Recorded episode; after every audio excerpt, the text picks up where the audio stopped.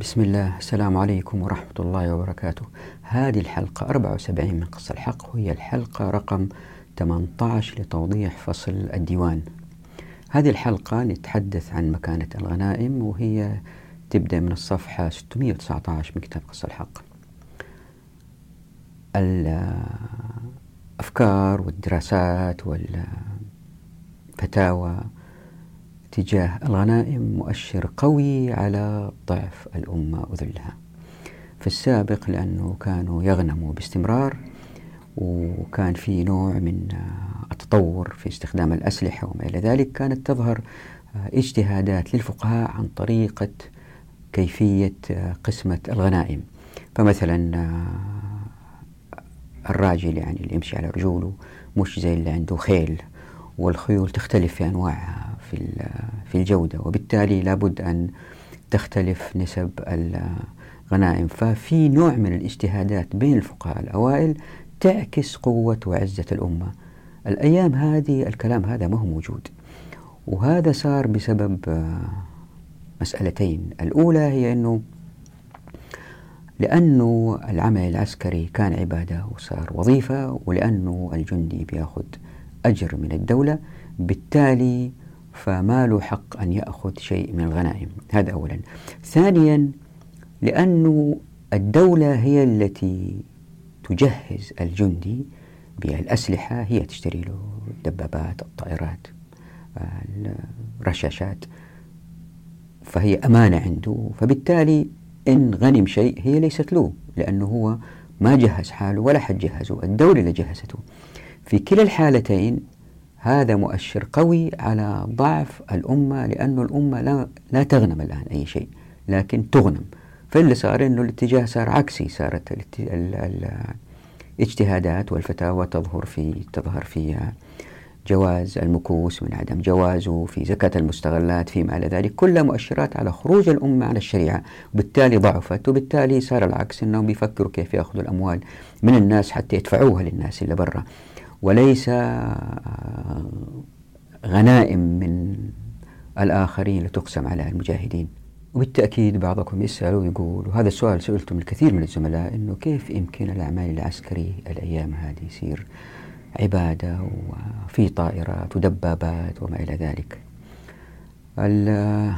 الجواب هو سيأتي الجواب بالتفصيل في موضوع الأمن والشركة لكن بس حتى تبرد هذه المسألة مؤقتا وتحدثت عنها سابقا على سريع أيضا هو أنه إحنا الآن بنفكر في وضع رأس مالي مع تطبيق الشريعة وفتح الموارد والموافقات والمعرفة للناس ولما الناس بيصيروا أثرياء. ولأنه المساجد لها دور مهم في إدارة الأمة هي تصير مراكز للأحياء. خطبة عصماء يمكن تطلع مئة ألف من أندونيسيا ولا تطلع من أي بلد في العالم العربي خمسين ألف مئة ألف مئتين ألف يعني آه الشباب يتحمس ويطلع. فيمكن واحد يقول طيب الناس ما هو مشكلة الأفراد ما هو مشكلة المشكلة في التسليح.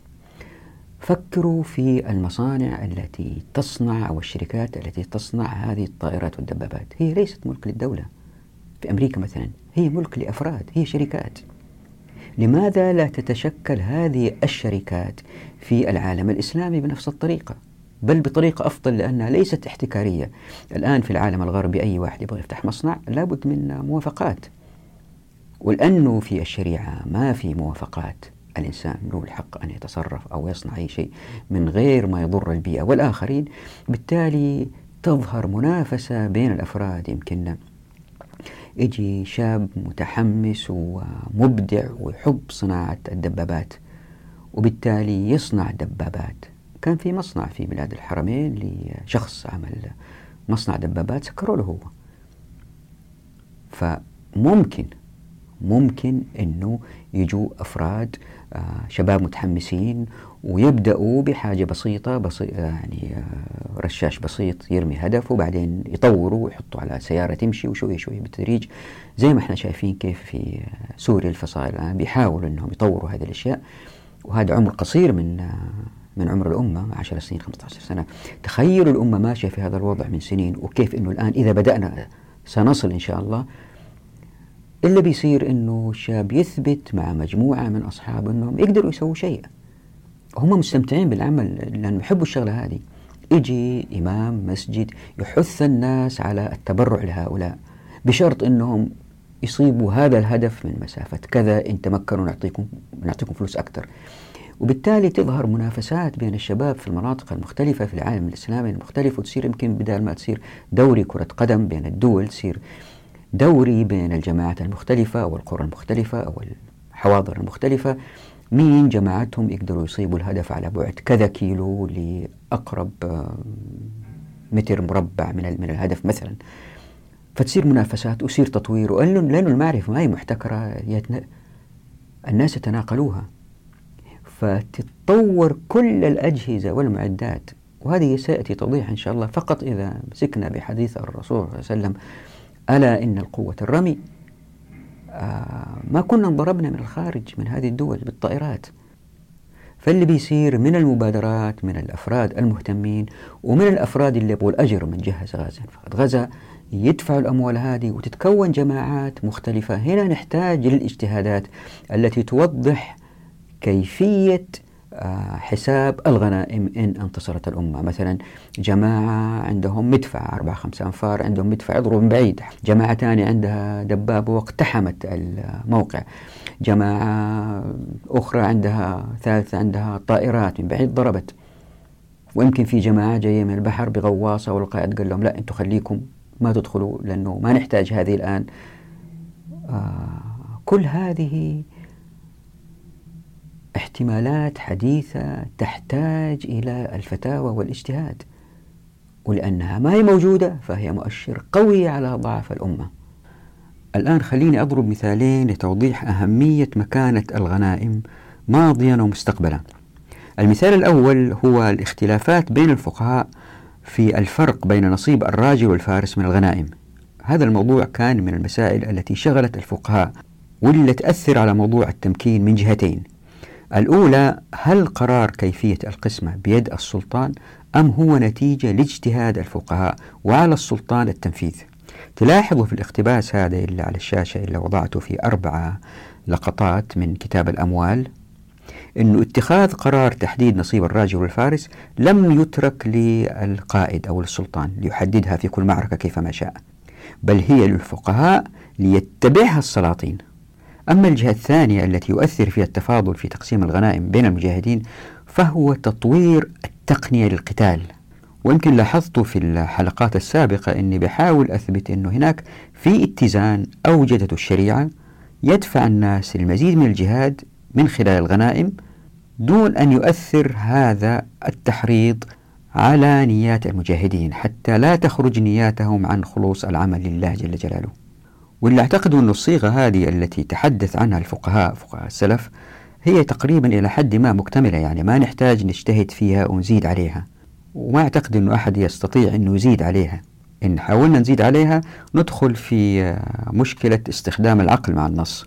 فاللي أعتقد أنه والله أعلم أنه الالتزام بالنصوص السابقة ليست فقط القرآن والسنة أيضا أقوال الفقهاء ستؤدي لاستحداث هذا الاتزان بين نية المجاهد وخلوص عمله والغنائم. لكن إلا لازم نفتح هو باب الاجتهاد قدر المستطاع في مسألة توزيع الغنائم بين الغانمين من حيث إمكانياتهم القتالية بما يقاتلون به. خليني أعطي بعض الأمثلة فلا بد أن تكون هنالك جماعات قتالية مختلفة في ظل التقنية القتالية الحديثة. مثلا هذه جماعة عند سفينة ترصد غواصات الأعداء أينما كانت وبالتالي تساهم في النصر. وهذه آه، قبيلة ليست قبيلة بالدم مثلا بفتح أبواب التمكين الناس بيتنقلوا إلى مناطق مختلفة فتكون قرية مثلا كلها شغالة في إنتاج آه، مادة معينة من تحت الأرض وبيعها وبالتالي يكونوا جماعة واحدة ساكنين مع بعض ويبغوا الأجر وبالتالي يمكن آه، يتشجعوا ويجمعوا أموال لشراء غواصة. ويمكن هذه جماعة من العلماء استحدثوا مدافع شديدة الدقة وتضرب من أماكن بعيدة. مثل مراكز الاتصالات للأعداء ويمكن استخدموا في هذه صور جوية حصلوا عليها من طائرات آه، غير مأهولة. ويمكن جماعة شاركت في تحليل هذه الصور. كيف كل هدول اشتركوا في الغنائم؟ نحتاج اجتهاد. ويمكن واحد يقول كل هدول اللي ساهموا في تطوير المعدات آه، فهم ما شاركوا في الحرب لكن طوروا فهم ليسوا من الجند. ويمكن بالتالي الواحد يقول هي فقط لمن شارك. طيب حتى في هذه الحالة كيف ركبوا الطائرات وطاروا فوق الأعداء وكيف اقتحموا المواقع بالدبابات؟ كيف هذول كلهم يغنموا؟ يعني الجدل في هذه المسألة لن ينتهي الآن لأنه ما عندنا اجتهادات. يعني كل ما تطورت تقنيات القتال كل ما احتاج المجتمع المسلم للمزيد من الاجتهاد حتى تواكبها.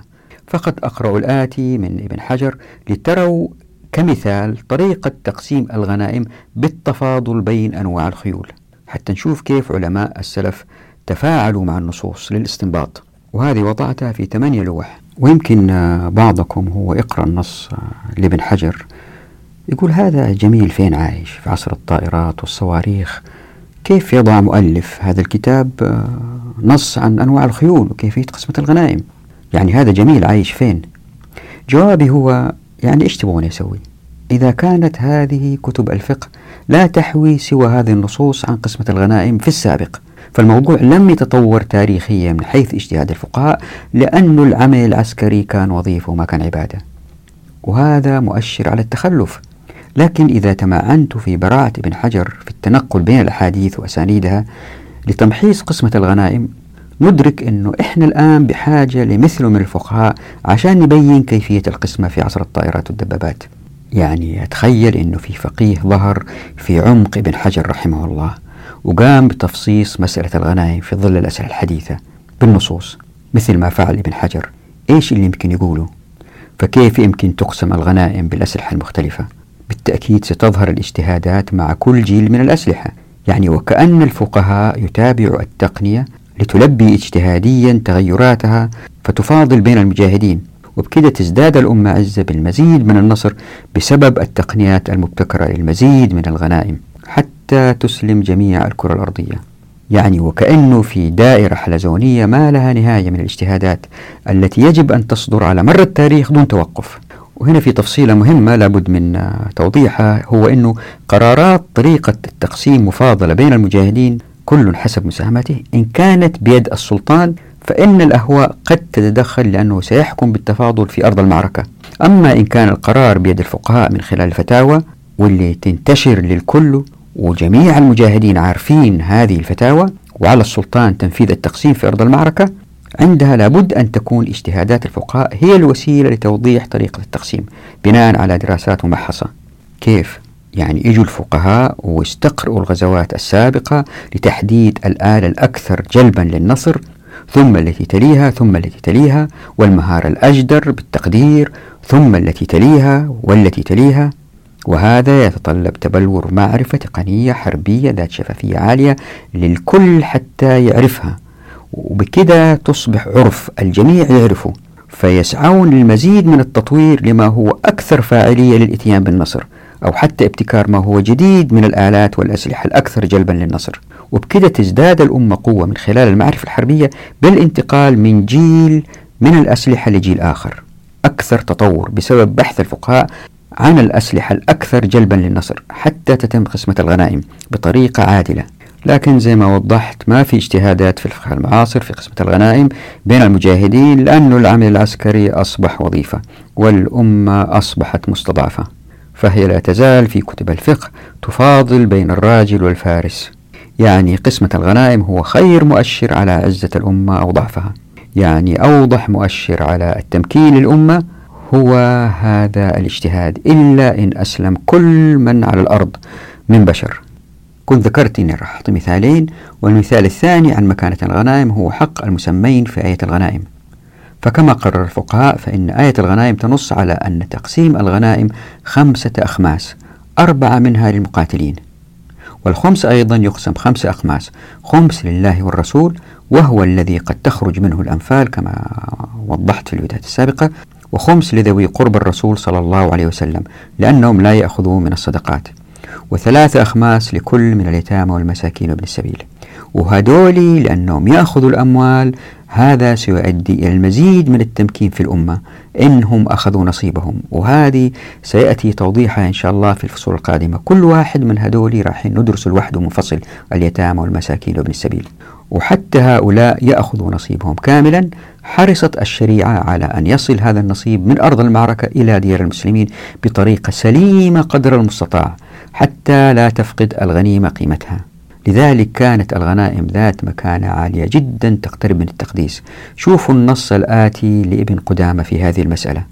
وهذا نص آخر في نفس المسألة من المعجم الكبير وفي نصوص أخرى كثيرة وضعتها في الحاشية تحت الحاشية رقم 179 إذا حب أحد يستزيد. ولأن الغنائم كانت ذو مكانة رفيعة فقد حرص الفقهاء على طريقة تقسيمها. فظهرت عدة أسئلة فقهية عن حقوق عدة أطياف من الناس ممن شاركوا بطريقة أو بأخرى في المعركة. مسألة مهمة نسيت أوضحها أنه طريقة الإنتاج في المجتمع مع تطبيق الشريعة وفتح الأبواب في الموارد والموافقات والمعرفة يؤدي في الغالب وليس دائما وهذه فيها تفصيل فصل الشركة إلى تفتيت التصنيع إلى أجزاء أصغر تتلائم مع أحجام الملاك لهذه المصانع. يعني ما هي مصانع ضخمة كبيرة الآن مثل شركات السيارات اللي فيها آلاف آلاف الموظفين. وحتى الشركات هذه بدأت الآن تتفتت إذا تأخذوا أي سيارة الآن. الشركة المصنعة مثل تويوتا ما تصنع كل الأجزاء لا. هي تصمم وفي أجزاء ثانية تصنعها شركات أخرى. فمثلا نفس البطارية إلا في سيارة مثلا فورد يمكن تجدها في جي إم وتجدها في كادلاك لأنه شركة واحدة متخصصة مثلا في ديترويت أو مكان آخر تصنع زجاج للسيارات الزجاج الأمامي. فتجي الشركات المختلفة تطلب من هذه الشركات مواصفات معينة من الزجاج. فإذا كان تشوفوها هذه في الإنترنت كثير في صور تبين لكم مثلا السيارة وبأجزائها فين فين صنعت في أماكن مختلفة من العالم أحيانا.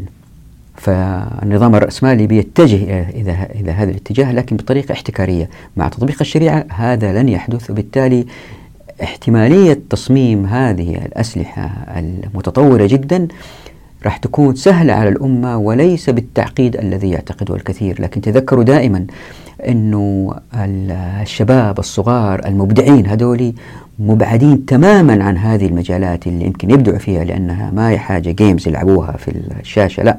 في الواقع بيجي بيجربوها ويشتهوا جدا ويسهروا ليل نهار لتطويرها.